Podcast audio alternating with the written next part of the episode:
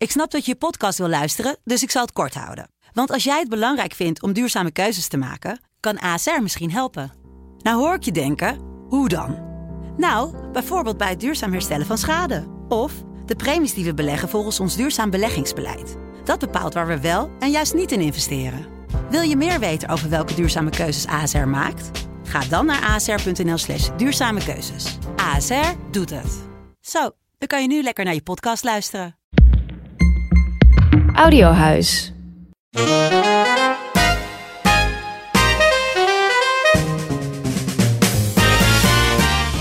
Dit is Bonte Was Podcast. Uw favoriete wasprogramma over mediamissers en opstekers. Ik ben Wansi Muller. En ik ben Sui Papa Economu. En ja, dan is het ineens 2024 en start alweer ons vijfde seizoen. Ja, ja, we draaien echt al een tijdje mee, hè? Nou, Um, om ons jubileum te vieren gaan we later dit jaar nog een terugblikaflevering maken. Dus mocht je een favoriet moment of favoriete gast nog een keer willen terughoren, laat het ons dan eventjes weten via Instagram. ja, zeker doen, want we hebben zoveel mooie afleveringen gemaakt. En deze aflevering zijn we als van nou eens even lekker met z'n tweetjes. We hebben natuurlijk weer van alles te bespreken. Uh, we hebben ook een nieuw rubriekje. De Bonte Was doet eindredactie. Hadden we al aangekondigd in het, in het vorige jaar. Maar uh, we beginnen met transfernieuws. Wansie. Ja, ja, ja. Ik ehm, heb vorig jaar eh, december afscheid eh, moeten nemen van de middagshow die ik presenteerde bij Sublime. Ehm, maar ik eh, heb goed nieuws, want ik ga bij NPO Blend aan de slag. Yay! Ja, ik word daar eh, een van de twee hosts van de nieuwe middagshow op de zender. En eh, NPO Blend is een nieuwe zender die sinds, even kijken, begin november eh, is eh, aangegaan. Het is eigenlijk eh, een zender voor alle mensen die wel van Phonics hielden, het oude Phonics, maar daar nu eigenlijk te oud voor zijn. Dus de doelgroep is 35, 55. Nou, daar vallen wij perfect, Perfect. in. Ja. Voor mij. En, ja. Mij. En dan die natuurlijk houden van R&B, New Soul en eh hip-hop.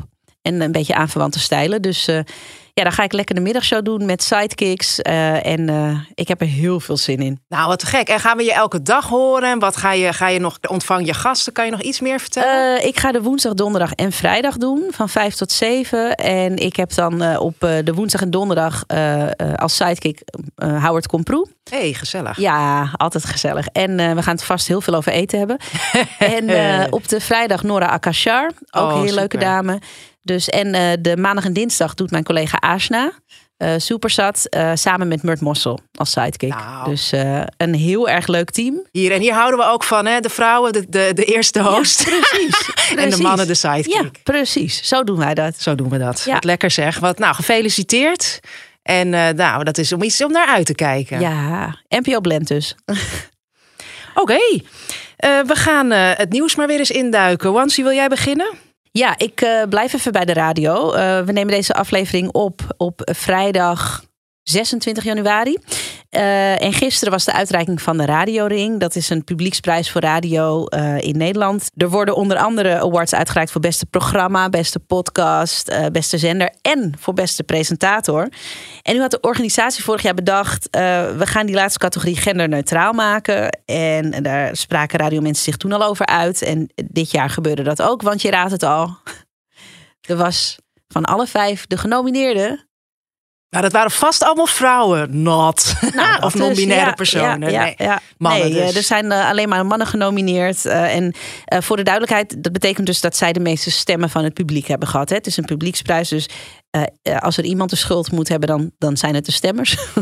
Ja, maar zo werkt het toch niet En- helemaal. Want stemmers worden Ja. ook gevoed door eh, normen die we al heel lang hebben. Ja. En wat zogenaamd goed is. Hè? En we Ja, zijn natuurlijk heel erg gewend aan mannenstemmen op de radio. Ja, ja, een heleboel vrouwen zeggen dat ook. Hè, van ik luister liever naar man. Nou ja, anyway. Ehm, en dat is voor de zichtbaarheid van vrouw op de radio natuurlijk helemaal geen goede zaak. Dat er maar vijf, dat er vijf mannen genomineerd waren als beste presentator. Vorig jaar waren er volgens mij wel twee genomineerd, niet gewonnen. Ehm, en het heeft het nieuws gehaald, eh, omdat eh, onder andere Marieke Elsinga, die de ochtendshow doet bij Q Music, er iets over zei op haar Insta-stories. En ehm, Astrid de Jong, die presenteert op Radio 1 eh, uit mijn hoofd, of Radio 5. eh, een programma al, heel lang. En die heeft een, een radioprijs voor vrouwen in het leven geroepen. Nou ja, en wat wordt er dus in de media van gemaakt? Eh Marieke vindt het niet goed. Terwijl er heel veel vrouwen zijn die het jammer vinden dat die categorie niet meer bestaat. Dus los van dat het feitelijk niet klopt, vind ik het ook best wel gevaarlijk. Want heel veel mensen projecteren dus al hun stront, om het maar even zo te zeggen, op haar. Ja, dat is niet. Is, ja. En ja, dat, dat, dat vond, ik, uh, vond ik heel vervelend. Er is ook een tegenprijs uh, in het leven geroepen, ja, toch? Ja, dus door Astrid, onder oh, andere door Astrid de Jong. Uh, en daar kwam natuurlijk ook weer kritiek op. Want hè, er zijn ook regionale radiovrouwen en er zijn nieuwslezers. Ja. En nou ja, goed. De groep is dus heel groot, blijkt. Maar we zijn blijkbaar wat minder zichtbaar. En kijk, het hele idee natuurlijk uh, om die prijs, uh, om dat de categorie presentator genderneutraal, gendervrij te maken, is natuurlijk omdat uh, bijvoorbeeld non-binaire mensen zich niet goed gezien vinden in die binaire categorieën man-vrouw. dat is natuurlijk ook wel begrijpelijk. Ja, ja. Ja, zeker. Maar we leven nog niet in een perfecte wereld. Dus hè, als, als de wereld perfect was, dan zou het allemaal niet uit moeten maken. Maar als ik zo aan de top of my head denk aan non-binaire presentatoren op de radio, dan denk ik aan Lara Billy Rensen. En dat was het. Dus, ja, en, dus en daarbij denk ik... zijn het er ook nog niet. En um, de, de uh, in een perfecte wereld zou je zeggen, ja, tuurlijk moet het niet uitmaken, maar het maakt wel uit. Het maakt uit. Nee, dat is ook. Kijk, ik, ik gooi hem er even in, omdat ik wel heel goed die roep snap. Dat, dat de categorieën heel binair zijn en dat niet iedereen zich daar prettig in voelt. Maar we leven inderdaad in een, in een samenleving waarin vrouwen zwaar ondergewaardeerd worden. En sowieso heel erg in die, in die, tegen die norm moeten vechten van mannenstemmen. Van dit is de manier waarop we radio maken. Uh, dus er zou ook een andere oplossing voor kunnen zijn bedacht of worden bedacht. Ik weet ook niet per se meteen. Je kan ook een M X-categorie en een VX-categorie maken, bijvoorbeeld. Luister je mee aan Frotros? Ja, ja, precies.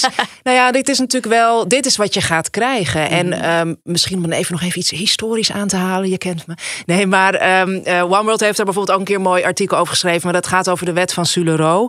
Het is een wetenschapster die op een gegeven moment heeft uh, laten zien dat eigenlijk bijvoorbeeld alle beroepen waar steeds meer vrouwen in gingen werken. Denk aan de zorg bijvoorbeeld, of denk aan het onderwijs daarmee ging heel snel en het status omlaag van het uh, beroep en de verdiensten. Ja. En dat laat dus heel duidelijk zien. Um, um, dat, we, uh, dat we alles wat door vrouwen gemaakt wordt, uh, nog, nog onderwaarderen. En dus nu wil je eigenlijk de, ben je de ene uitsluiting, de andere uitsluiting mee aan het. door de ene uitsluiting tegen te gaan, ben je de andere uitsluiting aan het versterken. Mm-hmm. En ja, ik kan natuurlijk niet voor uh, uh, alle non-binaire personen spreken, maar ik denk ook niet dat zij dat voor ogen hebben. Nee. Dus ze zijn denk ik echt uh, tussenwegen om ervoor te zorgen dat iedereen daarin gezien wordt. Nou ja, op naar volgend jaar hè. Nou, ik ben wel benieuwd. Ja, waar heb jij je aan geërgerd deze eerste maand van het jaar? Ja, helaas weer over de berichtgeving als het gaat om vrouwenmoord, femicide. Uh, heb ik, we hebben het hier natuurlijk helaas ook vaker over. Um, er zijn echt, nou ja, er worden gewoon, ik geloof om de acht dagen wordt er een vrouw vermoord omdat ze vrouw is in Nederland. En uh, dat betekent natuurlijk ook dat er best regelmatig berichtgeving over is. En je ziet ook dat er, um, dat er dan toch nog heel snel veel meer voorzichtigheid is. De term als in de relationele sfeer. Um, maar er was bijvoorbeeld ook in Duitsland, dat werd, haalde ook uh, groot het nieuws, een cachère vermoord. Eh, op heel brute wijze door haar uh, ex-partner uh, doodgeschoten terwijl ze aan het werk was. En ik ben er helemaal voor dat je niet meteen gaat gissen. Hè? Dus ik snap dat media in eerste instantie wel voorzichtig zijn, maar er waren hele duidelijke aanwijzingen. Ook de politie had dat eigenlijk al bevestigd dat het uh, haar partner was. Dus vind ik ook wel wonderlijk waar ze, als het hè, stel, want dit ging om, um, hè, stel het zou zijn gegaan om iemand met een Arabische achtergrond, want dat zie je vaak wel. Dan wordt er heel veel gegist. Er wordt heel veel gegist, of het nou over terrorisme probleem. gaat of ja. over eerwraak. Hè? Ja. Want dat is wel belangrijk om hierbij te noemen. Dan ineens aan media super goed in staat om het wel mm -hmm. over femicide en vrouwenmoord te hebben. Maar als het over witte mannen gaan die hun partner vermoorden, dan vinden we dat als media dus een stuk moeilijker. Nou, ik gooi er even een kop in, hou je vast, uh, van het Algemeen Dagblad. En ik moet zeggen dat het Algemeen Dagblad helaas echt grossiert in dit soort uh, uh, koppen waar vrouwenmoord niet in wordt erkend. En sterker nog. Nou, ik vind het eigenlijk een beetje bagatelliserend zelfs. Maar goed, ik loop op de zaak vooruit. de kop was: Johan doodde zijn vrouw. Hij draagt nog steeds zijn trouwring en zet wekelijks bloemen voor haar neer. Ach, Johan. Nou, wat hebben wij toch een sympathie voor die beste man. Maar ik vind ja. het zo gewoon alleen al het woord, het woord doden. Ja. Dat is niet waar. Hij ja. vermoordde zijn vrouw. Dat, dat, dat, is echt het minimale wat je moet doen. En nou ja, waar ik wel benieuwd naar ben, want dit is dus een heel uitgebreid interview met hem. En ik denk, uh, ik heb natuurlijk wat, wat over gepost hier. En er kwamen heel veel verschillende reacties op. Er waren echt mensen die zeiden: überhaupt niet doen. Interview, je moet de, de dader geen aandacht geven. Ik moet zeggen, ik er zelf ietsje anders in zit. Ja, dat, dat vind ik ook niet per se. Toch? En, en ik, bedoel, ik ben persoonlijk wel nieuwsgierig naar wat iemand beweegt om. Uh, om zoiets te doen. Die, die podcast Daders is niet voor niets heel populair. Dus ik, ik vind niet dat dat niet zou mogen. Maar je moet wel nadenken wat voor platform je iemand geeft. Of, of op welke manier je iemand een platform nou geeft. Ik zou ook zeggen echt op welke manier. Want hij komt er wel heel gezellig vanaf. Terwijl hij zelf, als je het hele interview leest. Ik bedoel, hij is, uh, het wisselt een beetje soms. Uh, maar is in, vind ik hem ook wel wat bagatelliserend. Maar um, hij is ook wel heel, nou ja, uh, heel terecht, heel streng voor zichzelf, zullen we maar zeggen. Um, kijk, wat ik, uh, wat ik wel moeilijk vind, is als we daders gaan romantiseren. Daarom ben ik heel erg mhm. tegen al die Netflix-series ja, uh, daarover. Uh, wat ik hierbij wel denk, en dat is volgens mij waarom in dit geval deze Johan uh, zeg maar zijn verhaal vertelt, is omdat hij wil laten zien um, ja, dat het dat het ook kan gebeuren bij mensen die van de buitenkant als heel normaal tussen aanhalingstekens mhm. worden gezien. En ik denk dat dat op zich goed kan zijn, maar dan is het echt de manier waarop. En ik vind hier dat, dat, dat in dit geval dus uh, zijn vrouw, eh, die vermoord is, trekt dan zo aan het kortste eind. Als er zo, die echt op gruwelijke wijze is mhm. vermoord ook. Nou ja, goed, dus ik, ik blijf dit gewoon maar net zo lang herhalen totdat uh, media dit beter gaan doen. Je moet hier veel steviger uh, en feitelijker over bericht geven. Benoem vrouwenmoord. Ja, zodat wij ook gaan doorhebben dat dat het is. Exact. Ja. En voor wie zich nog afvraagt van ja, maar hoe zit dat dan precies? Uh, Kennisinstituut Atria heeft heel veel artikelen hierover wat vrouwenmoord precies is en waarom het ook zo belangrijk is om dat uh, te benoemen. Doe in de show notes. Yes. Straks duiken we weer in de, ook helaas, weer in de berichtgeving over Palestina en Israël. Maar eerst heb ik uh, een vraag aan jou, Zoe. waarom zit jij niet of niet meer op Twitter? Uh, nou, ik heb uh, heel erg in het begin, toen het uh, net een beetje ontstond, heb ik even opgezeten. Toen dacht ik echt, nou, één, ik heb echt te veel tekst voor dit platform. ja. En ik had al wel heel snel in de smiezen dat het een heel erg snel een vergaarbak van, van ranzigheid, racisme, seksisme. Het wat ik ook weet dat mensen de hele mooie communities hebben gevonden. Maar ja. ik, ik dacht echt, nou, mij niet bellen. Uh, Toedeledoki. Dus ik heb eigenlijk nooit echt een. Ik ben nooit een actieve twitteraar geweest. En dat is nog steeds een van mijn beste beslissingen aller tijden. Maar waarom vraag je dat? Nou ja, nee, ik zit er zelf wel op. Ik ben er overigens ook uh, verplicht opgegaan. Dat moest toen van Vanix. Want ik moest mezelf wat meer online profileren. Oh ja. en, um, uh, maar ik gebruik hem nu vooral om een volkskeuken recepten te delen. Lekker. Ja. Uh, en om petities uh, die ik heb getekend te delen. Ja, ook handig. Ja, toch? Ja, ik denk, ja, als ik iets doe of als ik zie dat iemand iets, iets heeft gezegd waar ik het mee eens ben, dan retweet ik dat of zo. Of reposten heet dat tegenwoordig. Of herciteren, weet ik veel. Maar nou ja, dat heb je natuurlijk wel meegekregen. Dat Caro NCRV eerder deze ja. maand besloten te stoppen met Twitter. Nadat Aquasi, die meedeed aan de slimste mensen, weer walgelijk Zo, racistisch werd bejegend uh, daar. En de omroep wilde een signaal afgeven. En toen was er een item bij Nieuwsuur... waarin twee mensen aan het woord werden gelaten... die vonden dat Caro en Servé dat niet had moeten doen. Um, de een die vond het laf, want die zei van ja. Oh, oh dat gaan we dat ja, krijgen. Ja, ja. Ah. En die andere die zei ja, anders krijgen haatroepers helemaal geen weerwoord meer als je eraf gaat. Nou ja, zoals jij al terecht zei, wie heeft daar zin in? Ja, ik niet. Ik heb zelf ook een keer Twitter op slot gegooid. Hè. Ik, ik, ik, zat toen, ik deed toen met uh, een collega een, een, programma over racisme op Radio 2. En ik ver, vermoedde al dat dat niet helemaal lekker zou lopen. Dus ik heb hem op slot gegooid. Hij heeft dat niet gedaan. En hij kreeg inderdaad heel veel uh, reacties. Um, maar wat vind je ervan dat, dat een publieke omroep van zo'n medium afgaat? Nou, ik vind op zich wel een sterk signaal hoor. Kijk, ik snap wel, ik, het, het, hele argument met love, denk ik echt, nou steek dat maar in je hol. Ja. Excuse my French. Maar um, ik snap wel het, dan krijgt haat helemaal geen thema. Maar dat krijgt het nu ook niet. Laten we niet doen. Die mensen zitten heel erg in een, in een bubbel. En zijn daar elkaar heel erg lekker. En dat heb ik zelf ook al alle keren dat ik het zelf heb moeten meemaken. Of dat Facebook is ook zo'n plek waar ik dan nog wel zat, waar dat wel eens wilde gebeuren.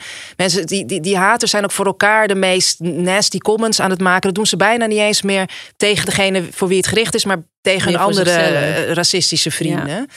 Ehm, dus ik vraag me af of dat het effect gaat hebben. Ik denk ook wel, ja, als we allemaal ons gewoon lekker van, van Twitter slash X gaan afkeren. Uh, opgeruimd staat netjes. Dus, ik, maar dus dat zou ik lastig vinden. hoeveel effect heeft het dan als mensen iets tegen die haat doen? Ik vraag het me af. Nee, ik heb het zelf ook wel. Hè, mijn befaamde, nee hoor, het was geen befaamde periode, maar die periode bij spraakmakers zat. Het was, oh, ja. was één groot feest altijd bij het Mediaforum. Ik had daar echt gesprekken over met de social media uh, persoon die daar dan zat. Die, want die deelde dan altijd fragmenten. En ik wist gewoon op het moment, en ik zat er ook niet op, dus, uh, maar op het moment dat ze een fragment van mij deelden, dan wist ik ook wel, zeker met wat ik ook daar ter sprake bracht, wat er zou gebeuren. Dus ik, ik heb ze echt af en toe, daar luisterden ze wel naar gevraagd. Uh, om dat uh, niet te posten. Maar dat moest mhm. ik ze dus wel vragen. Ja, ja dus want zij denken alleen maar aan clickbait natuurlijk. Exact. Dus ik, ja, ik, ik denk echt, uh, goed idee, Caro en CFV. Het lijkt me heel terecht dat jullie een signaal afgeven. want wat, wat, wat daar natuurlijk uit voortkwam, dat, dat, daar lussen de honden geen brood van. En... Wat me nu ook te binnen schiet, überhaupt. Want over het algemeen zijn uh, veel mediaplatformen, zowel de publieke omroep als andere grote instituten, gewoon slecht in nazorg. Mm dat Spraakmakers is daar ook een voorbeeld van. Uh, zij, zij hebben een uitzendingje klaar, bij wijze van. En, en degene die erin zat, zit met de gebakken uh, seksistische, racistische discriminatieperen. Ja. nou, maar het is grappig dat je het zegt. Ik bedoel, het is niet, het is niet zo dat we Saada uh, de hele tijd maar willen noemen hoor. Maar zij nou, heeft die, Ze betaalt ons. nee, zij heeft, zij heeft dit dus ook gezegd. Zij is ook gevraagd voor de slimste mens. En toen was er dus een redacteur die dus tegen haar zei dat uh, mensen van kleur, vrouwen, heel veel haat over zich heen krijgen online. En toen heeft ze gezegd: Nou, dikke doei, dan ga ik het niet doen. Nee. Dus, um, dat is het gevolg, hè? Ja. Ja, maar mensen worden daar dus niet in beschermd. Ja. Dus ik vind dit op zich een... Ja, ik bedoel, laten we, laten we iets proberen in ieder geval. En ik, ik weet het niet met dat hele verhaal over... dan is het alleen nog maar haat. En denk nou, dan gaan al die haters maar lekker op uh, Twitter zitten. Succes ermee. Ja, of je die nou echt heel erg gaat bereiken met, uh, met je tweet van Caro en zo. Ja. Nou ja, het, een argument tegen is natuurlijk dat het een publieke omroep is. Dus dat die op alle platformen publiek moet bereiken. Nou ja, en, en wat natuurlijk ook, maar dat, dat, dat even los daarvan hoor. Maar bedoel, Twitter wordt natuurlijk vooral door nieuws uh, of door media, uh, uh, of krijgt vooral door media nieuwswaarde toegedicht. Dat vind ik dus ook. Ja, oh, houd toch op met me. Ja. Nee, dat hele. En op Twitter segment denk ik echt, nou ja, weet, ik, ik, ik zit nooit op Twitter en samen met mij, ik bedoel, ik ben natuurlijk heel belangrijk. Nee, maar er zijn heel veel mensen die niet op Twitter zitten. Ja. Dus als iets uh, trending is op Twitter. Nou, ook dat als je een beetje jezelf respecterend nieuwsmedium bent, dan veeg je daar ook je reet mee af. Ik ben een beetje reet georiënteerd. Excuseer, luisteraars, sorry. Nou ja, uh, um, uh, er is een, een uh, Villa Media journalist, Nick Kiefiets. Die is het met jou eens. Die vindt het zeker niet love dat Caro en CRV wow, ervan af is gegaan. Die heeft er een column over geschreven en die gaan we ook delen in de show notes. Nice, oké. Ja, en dan gaan we weer door met een onderwerp waarvan we helaas uh, zullen moeten constateren dat we het daar de komende tijd uh, steeds over zullen moeten blijven hebben. Uh, namelijk de genocide in Gaza en de verslaggeving daarover. Um, nou, wat mij opvalt, ben benieuwd of jou dat ook is opgevallen, is dat toch er is nog steeds redelijk veel aandacht voor, maar het, neemt, het gaat snel achteruit, zoals dat mhm. heel vaak met uh, oorlogen gaat, uh, met, met geweld uh, en, en genocide. Um, is dat we er een tijdje aandacht voor hebben. En dan, dan ja, willen we eigenlijk gewoon weer lekker door. Business as usual. Business as usual. Dus dat vind ik wel extreem pijnlijk om dat al te ontwaren dat dat gebeurt. Um, nou ja, het perspectief vind ik ook heel wisselend blijven. Ik, ik moet wel echt zeggen, er is zeker ook veel aandacht voor het leed van de Gazanen. En de daden van Israël en wat daar gebeurt. Uh, maar ja, je blijft toch wel echt van die koppen voorbij zien komen. Dat je echt denkt, hoe bedenken ze het? Even een voorbeeld. Um, um, uh, niet, niet al te lang geleden begon natuurlijk de genocide-aanklacht tegen Israël bij het Internationaal Gerechtshof in Den Haag. Heel goed aangespannen door Zuid-Afrika. En dan is op die dag de kop. Reputatie Israël staat op het spel bij genocide-aanklacht in Den Haag. Ik weet, niet, ik weet niet of jouw klomp, blakje, breekt jouw klomp dan ook? Ja. Denk ik, de reputatie, nee, nee, dat staat op het spel. Dus ja, ik heb dat toen aangepast met Palestijnse levens. Maar dan denk ik echt, hoe kan je dat nou van zoveel dingen die je op zo'n moment kan dat uitkiezen? Dat het belangrijkste is. Ja. Kies je dit uit? Weet je wat ik me bedenk? We moeten eigenlijk gewoon een keer met uh, uh, mensen die koppen maken een, een aflevering uh, opnemen. Dat gaan we doen. Even een zijspoor, maar dat, daar gaan we even op, op broeden. Want dit is natuurlijk een terug. Dan doen we gewoon een hele bonte was doet eindredactie special met eind met, met koppenmakers. Die, die gaan we dan koppen snellen. Of ben ja. ik te gruwelijk? Oké, nou ja, en, en, en dus, dus deze even als voorbeeld. En dan zie je dus toch weer zo dat dat perspectief van Israël erg naar voren ja. komt. Nee, maar dat was ook een beetje de kritiek toch online. Uh, dat, dat er überhaupt weinig aandacht was voor die hele rechtszaak. Ja. En dat je vooral, als je dat wilde volgen, dat je vooral naar buitenlandse media moest. En dat hier in Nederland er eigenlijk niet zo heel veel aandacht voor was. Nou, het was een, ja, het is er. Maar wat wordt daar dan besproken? Waar gaat het precies over? Dat dat niet echt uh, aandacht kreeg hier. Nee, nee, dat heeft Monier Samuel natuurlijk in die uitzending die we met hem opnamen ook natuurlijk al meteen gezegd. Ja. Die, die haalt zijn nieuws natuurlijk, hij haalt het ook veel uit Arabische bronnen, maar ja. ook zeker ja, uit heel veel niet-Nederlandse bronnen. Uh, daar kunnen wij echt beter in. En dan nog ander pijnpunt, wat ik toch graag ook hier nog even wil noemen, is dat het ook mij heel erg opvalt dat er continu, als het over, de, de, de, als het over vermoorde Palestijnse kinderen gaat, uh, die worden ook niet zo heel snel vermoord genoemd. Hè? Dat mhm. zijn dan slachtoffers, Gedood, ja. de doden. Uh, maar dus vermoorde Palestijnse kinderen, dat, dat daar altijd de hele tijd een soort vergelijking mee moet worden gemaakt. Honderd schoolklassen en zo. En dat krijg ik weer kippenvel als ik het zeg. Maar dat denk ik, het is zo duidelijk weer dat we de, de levens van sommige kinderen en mensen natuurlijk minder waard vinden dan dat van anderen. En daar moeten we mhm. dus allemaal van dit soort vergelijkingen bedenken om nog maar iets aan te zetten. Um, ja, bij Nederlanders die het, uh, hè, bij ons die het nieuws lezen. En, en dat vind ik heel uh, veelzeggend voor hoe wij hier uh, naar kijken en hoe de wereld in elkaar steekt. Nou ja, goed, tot slot nog een tip. Um, werd ik zelf opgewezen door een van onze vaste luisteraars, mhm. Laura van Schendel. Um, om te volgen. Dus een datajournalist bij The Guardian. Ze heet uh, Mona Shalabi. Uh, je kan haar onder andere op Instagram volgen. Zij maakt hele goede data graphics. En ook dus over taal. Hoe wordt er over Israël gesproken? Wordt er over uh, Palestina gesproken? Um, dus ga haar volgen, Mona Shalabi. Straks hoor je welke van onze vrienden van de show een Bontewas t-shirt hebben gewonnen. En daarover gesproken. Tijd voor een dienstmededeling. Hi, we waarderen het enorm dat je naar onze podcast luistert. Deze maken we zonder er iets aan te verdienen, omdat we het belangrijk vinden dat dit geluid er is. Vandaar dat we ook altijd aan het eind vragen of je vriend van de show wil worden. Nou, dat betekent concreet dat we je vragen of je financieel iets kan missen, zodat wij anderen wel kunnen betalen om bijvoorbeeld de social media posts te maken of om de podcast te transcriberen, moeilijk woord, zodat ze voor iedereen toegankelijk zijn. En bijvoorbeeld om onze gasten een eh, kleinigheidje te sturen als bedankje. Vind jij het dus waardevol wat we doen? Overweeg dan om ons eenmalig, maandelijks of jaarlijks te ondersteunen via www.vriendvandeshow.nl. Einde dienstmededeling. Yes, dus blijf vriend worden, want wie weet komt er nog een keer zo'n leuke prijswinnaarsactie aan. Uh, voor nu willen we onze oude uh, en nieuwe vrienden ontzettend bedanken voor hun bijdrage. Daar doen we dus mooie dingen mee, zoals we net hebben uitgelegd. En um, ook in de uitzending wil ik de prijswinnaars feliciteren. Die hebben zo'n leuk kek bonte was uh, podcast uh, t-shirt aan. Wansi draagt hem ook uh, ja, deze uitzending. Met trots. Ja, met trots zeker. Ik zat weer heel ijdel met mijn jurkje en die is zo mooi en zo, dat soort zaken. van de nieuwe vrienden waren dat Nettie Vonk en Nia Ketcho Makkinga. Fijn dat jullie vriend zijn geworden en het t-shirt komt naar jullie toe. En zeker nog belangrijker misschien bijna, die oude vrienden die al zo lang ons ja. steunen. Nee, we vinden elke vriend evenveel waard. Babs Petit en Hassan El Hahawi. Um, de t-shirts komen naar jullie toe. Ja, we gaan door met de berichtgeving over onderzoeken die steeds opnieuw hetzelfde nieuws vertellen. Oh, sorry, ja, ja, ik ga meteen al helemaal uit. Ja, vreselijk. Ja, nee, uh, Erco Caravan, dat is een, ook een vaste tipper.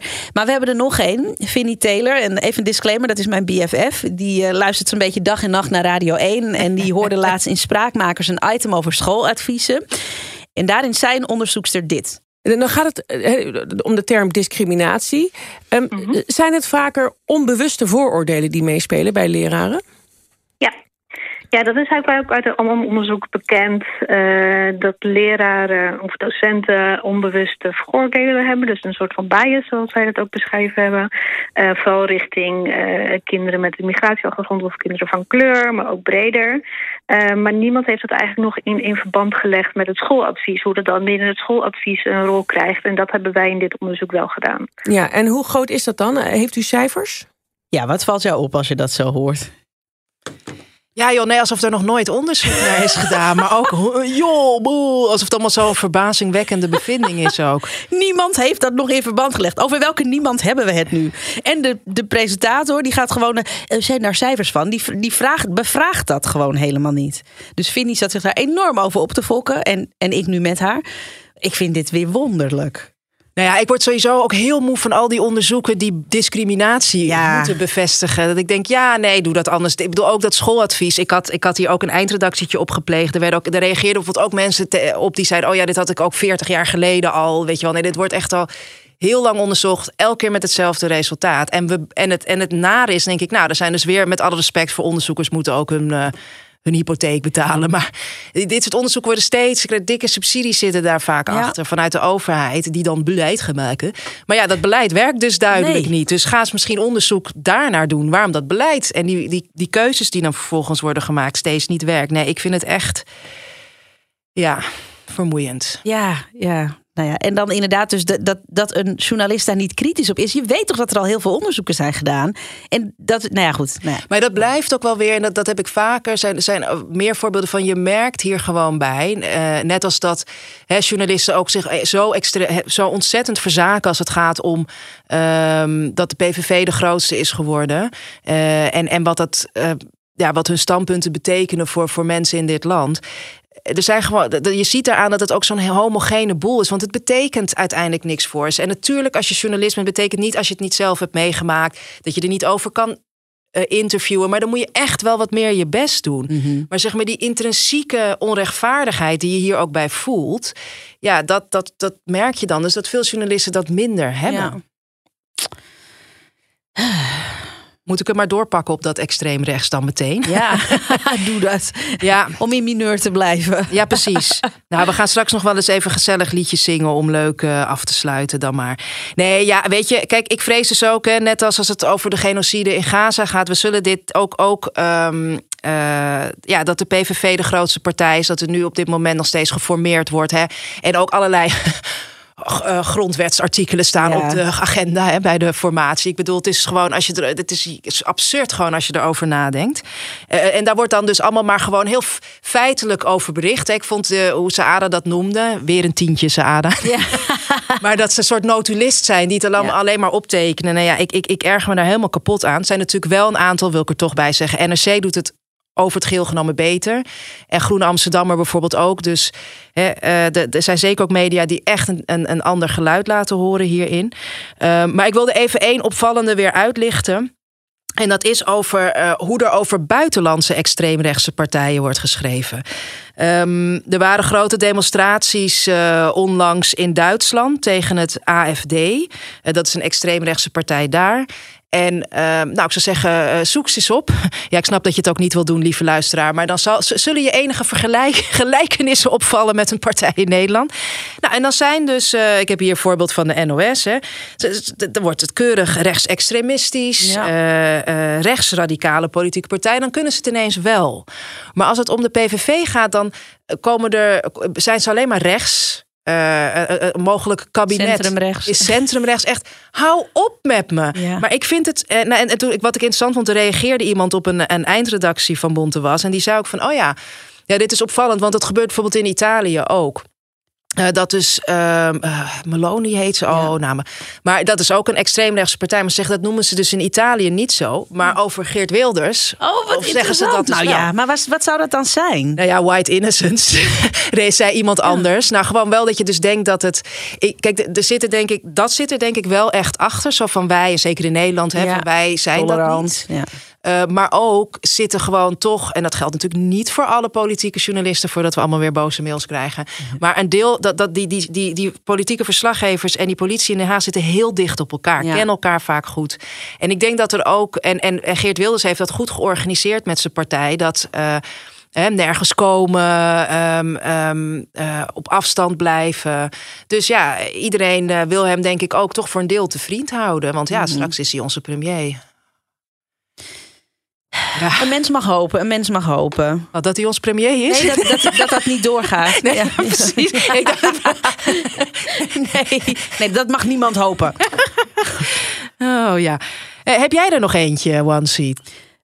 Uh, ja, um, eentje die ik uh, eigenlijk vorige keer al wilde noemen. Want uh, ik dacht dat is dan een leuke kijktip voor de vakantie. Maar goed, kijktips blijven altijd, altijd, altijd leuke goed. kijktips. Ja. Megan Thee Stallion versus Tory Lane, Five Shots. Dat is een documentaire over rapper Megan Thee Stallion en haar soort van vriendje. Eveneens rapper en zanger Tory Lanez. Hij zit een gevangenisstraf uit van 10 jaar omdat hij Megan in haar voet zou hebben geschoten. Oh, ja, ja, ja. ja, ja. en die docu op HBO Max vergeten ondertiteling. Ja, ja, ja. ja. maar uh, die bestaat uit twee delen. Uh, en uh, eerst wordt die verteld vanuit Megans perspectief. En ik ging helemaal mee in dat verhaal, weet je wel. Want ze maakte bekend dat hij eruit neergeschoten. En toen kreeg ze een lading misogyne noir ja, over zich heen. Ja. En dat is dan hè, vrouwenhaat gericht op zwarte vrouwen. Waar ja. bijvoorbeeld Sylvana en Saada ook heel veel last van hebben. He, je wordt gepakt op je vrouw zijn, maar ook op je zwart zijn. Um, en zij zei toen ook van ja, ik had eerst een ander verhaal verteld, want ik wilde hem als zwarte man beschermen. Want ik weet dat ja. hè, toen ze uit die, je ziet ook in die docu dat ze dan uit die auto stappen. Um, uh, allemaal handen omhoog. En dat dus een agent inderdaad aan haar vroeg wat is er gebeurd. En dat ze toen had gezegd dat ze was gevallen. Omdat ze dacht, als ik nu ga zeggen dat ik ben beschoten, dan wordt hij misschien wel neergeknald. Dus nou ja, dat snap je ook helemaal. Um, er komt een officier van justitie aan, aan het woord en zo nog wat andere. Nou, dan heb je deel 1 gezien en dan denk je, nou, klare zaak. Tory Lanez heeft het gedaan. Nou, dan komt deel 2 vanuit Tory's perspectief. En dan ga je dus aan alles twijfelen. Heeft hij het wel gedaan? Uh, en oh. ik vond het, ja, want dan wordt het dus met, ook met feiten, maar, of tenminste met feiten, dan wordt het gewoon vanuit een ander perspectief verteld. En de reden waarom ik dit wil noemen, deze documentaire, is omdat het me meteen weer deed realiseren dat je als journalist uh, of mediamaker dus heel makkelijk een verhaal kan manipuleren ja. door bepaalde dingen toe te voegen of weg te laten. Ja, uh, en dat is, dat, ja, dat is een wijze les. Dus ook als je niet in de, in de media werkt, maar wel die documentaire kijkt, dat je dat dus realiseert. Dat dat er eigenlijk dat het verhaal wat je ziet niet per se volledig is. En dat dat kleurt hoe jij ernaar kijkt. Dus uh, het is een kijktip los van het verhaal. Het is natuurlijk niet een heel leuk verhaal, maar het is wel echt een kijktip om je gewoon even goed te realiseren hoe dat mechanisme werkt. Ja, ook een goede voor uh, opleidingen journalistiek. Ja, ja. ja. Nou, zullen we dan maar naar de nieuwe rubriek gaan? Ja. Krassen, krassen, krassen. Krassen, krassen, krassen. Want de was doet eindredactie. Krassen, krassen, krassen. Krassen, krassen, krassen. Heerlijk. Wat zijn we toch goed in tunes, hè? Nou. Schudden we zo live uit ons mouw. Ongelooflijk. Um, ja, ik ga uh, elke uh, aflevering lichten we een tip uit. Want uh, super fijn is dat jullie sturen ons heel veel tips op over wat wel eens wat eindredactie behoeft. Um, en degene, ik mocht dit keer kiezen en ik heb gekozen voor het woord, ik ga het één keer zeggen, troostmeisjes. Ja. Um, dat werd me eigenlijk al wat langer getipt, dat woord. en hoe vreselijk is het dat zo vaak gebruikt nog wordt. Um, door journalist uh, en programmamaker Wensley Francisco. Is overigens ook ooit te gast bij ons geweest. Wie is er eigenlijk niet ooit bij ons te gast geweest? Um, en ook door um, Malti Ramdari, uh, een vaste luisteraar ook. Um, en het is een heel vertekende term, want het gaat eigenlijk over uh, verkrachting en seksuele ja. uitbuiting. Nou, nog even voor de zekerheid, uh, uitleg wat is een uh, uh, een, een theemeisje, noem ik het dan maar even. Uh, dat, dat wordt op bijvoorbeeld Wikipedia beschrijf, beschreven als een meisje of vrouw die voor en tijdens de Tweede Wereldoorlog door particulieren en de Japanse officiële instanties ter beschikking werd gesteld. Ja, oh, misselijk. Aan de Japanse militairen. Officieel luidt het dat deze meisjes en vrouwen zich vrijwillig aandienen om troost te bieden aan militairen. In werkelijkheid waren deze vrouwen seksslavinnen die tegen hun wil werden vastgehouden en gedwongen werden zich te laten misbruiken. Het was was een vorm van oorlogsverkrachting. Knoop dat in je oren. Nou, waarom uh, de tip die, die um, uh, we kregen ging dan over een recente kop van Trouw. Even voor de duidelijkheid, op zich, um, Trouw die uh, eigenlijk over een onderzoek. Dat was verder echt helemaal prima. Hè? En dat ze hier aandacht aan besteden. En de besteden, dat, dat besteden ook echt aandacht aan hoe vreselijk het was wat deze uh, of uitgebuite jonge vrouwen meemaakten. Alleen, uh, ze bedienden zich toch de hele tijd van het woord theemeisjes. Ja.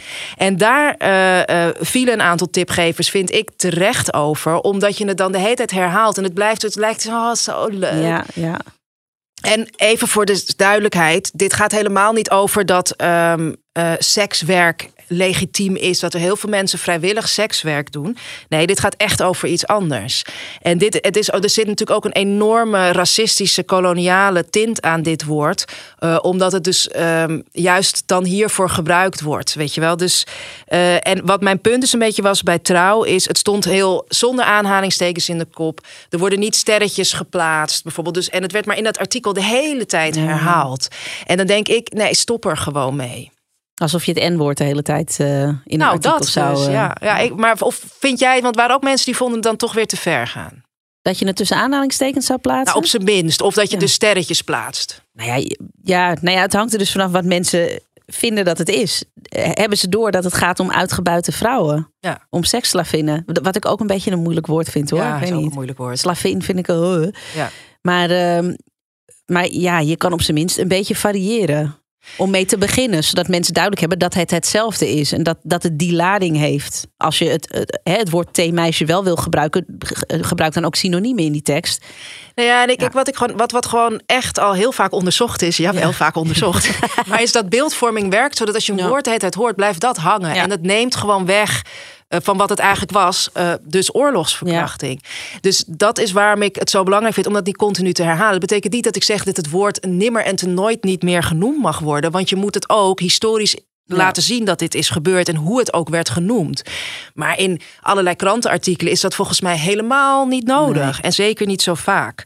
Dus um, nou ja, nogmaals uh, fijn uh, dank voor aan deze tipgevers uh, dat ze weer hebben ingestuurd. Ja, blijf ons taggen als je iets ziet op, op social media. Bontewas podcast. En dan gaan we krassen, krassen, krassen. ja, wat ik nog wel me afvroeg, hè, Zoe. reageren media zelf eigenlijk wel eens op deze eindredactiepost? Nou, dat is wel interessant, want die vraag krijg ik ook heel vaak. Ja, ja mail je het ook aan hun? Dat ik echt denk, nou ja, als ze me geld sturen. nee, daar begin ik ook niet aan, zeg. Ik, ik heb gewoon werk, zeg maar. En dat is niet om allemaal media de hele tijd te gaan uh, wijzen op, hè, ook nog in persoonlijke berichten en zo. Dus ze kunnen me volgen. En ik weet, uh, zeker op LinkedIn, er zijn ook genoeg mediamakers die mij volgen. Maar zeker, het is heel fijn. Uh, jullie luisteraars en volgers taggen vaak de media wel. fijn, blijf dat ook vooral doen. Ik weet zeker dat er ook wel uh, um, af en toe gereageerd was. De hoofdredactrice van de NOS heeft een keer uh, gereageerd. En dat is ook aangepast. Dat ging toen over een bericht over migranten. Ook altijd weer zo'n toffe term. En uh, nu.nl heeft ook wel eens iets aangepast. Dus in die zin heeft het zeker effect. Maar eigenlijk de reden dat ik het doe, dat wij het ook via Bonte Was willen doen, is omdat ik het, wat ik gewoon heel mooi vind om te zien, is dat. Um, nou, ik zie dat het ook steeds meer gekopieerd wordt doe dat vooral. Bronvermelding is wel fijn, zeker voor bonte was. Maar um, dat mensen bewuster lezen. Ja. En dat mensen zeggen, ook oh, ben heel benieuwd wat Bonte was of wat Sorina gaat maken van deze kop. Of gewoon überhaupt al anders berichtgeving gaan lezen en denkt, oh ja. Hmm, dus dat is eigenlijk, want kijk, uiteindelijk natuurlijk, uh, we maken Bonte was podcast niks voor niks. We doen dit niks voor niks. We hopen natuurlijk alles te veranderen. Maar het is vaak best wel heel moeilijk om ook die stugge instituten te veranderen. Um, en um, ja, we hopen vooral jullie ook op deze manier uh, lekker alert te houden. Uh, dus um, nou ja, zo. Dus volgende keer in Bontewas podcast schuift er hopelijk weer een gast aan. Beluister ook onze vorige aflevering waarin Saada Norhusen afrekent met de term polarisatie. Sowieso kunnen we even stoppen met dat woord polarisatie. Alsjeblieft. Alsjeblieft. Ik kan niet meer. Nee, maar echt. Kunnen we daar gewoon mee stoppen? Het is totaal aan inflatie onderhevig. Niemand weet meer wat ze ermee bedoelen. Het wordt te pas en te onpas erin gesmeten als je de mensen de mond wil snoeren. Houd me op. Dit was Bontewas Podcast. Abonneer je op onze podcast via je favoriete podcast-app en laat als dat kan ook een recensie achter. Dat maakt het voor anderen makkelijker om Bontewas Podcast te vinden. Als jij voorbeelden hebt van missers of opstekers in de media, nou inmiddels weet je wel waar je terecht kan. Hè? Op het Bontewas podcast uh, via Instagram. Daar kan je ze aan ons doorgeven. Dank aan al onze betalende vrienden. Wil jij ook bij die te gekke club horen die ons helpt deze podcast mogelijk te maken? Word dan ook vriend van onze podcast door eenmalig of vaker te doneren via www.vriendvandeshow.nl slash. Dag dag! Doei!